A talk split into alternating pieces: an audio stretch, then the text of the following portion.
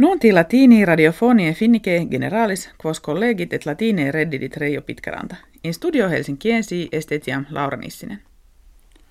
Rete informaticum ministerii arebus exteris finnie jam per multos annos speculationi externe expositum est. Programma exploratorium tantarerum peritia excogitatum est – ut veri simile esset usurpatores nomine alicuius civitatis egisse. Aggressores in computatra ministerii imprimis per appendices nutiorum electronicorum et claviculas memoriales penetravisse videntur.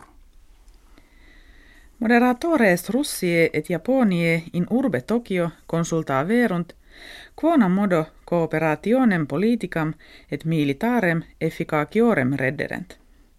Ministris placuit communes exercitationes bellicas instituere ad terrorismum et piraticam avertenda. Mirum est russos et japonienses, qui etiam nunc officialiter bellum gerunt, inter se tam familiariter uti. Die unde trigesimo mensis octobris Konstantinopoli cuniculus submarinus inauguratus est quo tramina per Bosporum Tracium ex Europa in Asiam transire possunt.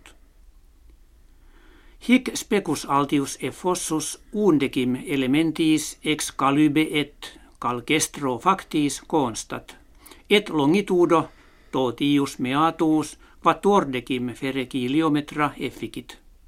Ministeri Turkie hunc cuniculum asiam cum Europa conjungentem viam sericam hodiernam appellaverunt. Numerus hominum morbis cancrosis laborantium in urbibus et oppidis Neapoli adiacentibus his duopus decenniis valdecrevit. Que fuerit causa huius rei, ex confessionibus cuiustam ducis mafiosi apparet. Ingentem copiam eiectorum venenosorum in terra illarum regionum a sodaliciis skelestorum Italiae de fossam esse. Ibi etiam purgamenta nuclearia inveniri, que e Germania autocarris oneraris clam in Italiam apportata essent. Moderatores Britanniae legem de diurnariis coercendis perferendam cura verunt. De creverunt enim collegium instituere, cuius esset custodire ne acta diurna inscriptis suis modum excederent. Neque desunt qui huic renovationi ut lingve libere repugnanti vehementer adversentur. Id tamen fieri nekesse erat, postquam innotuit telefonula kivium a quibusdam diurnariis auscultata esse.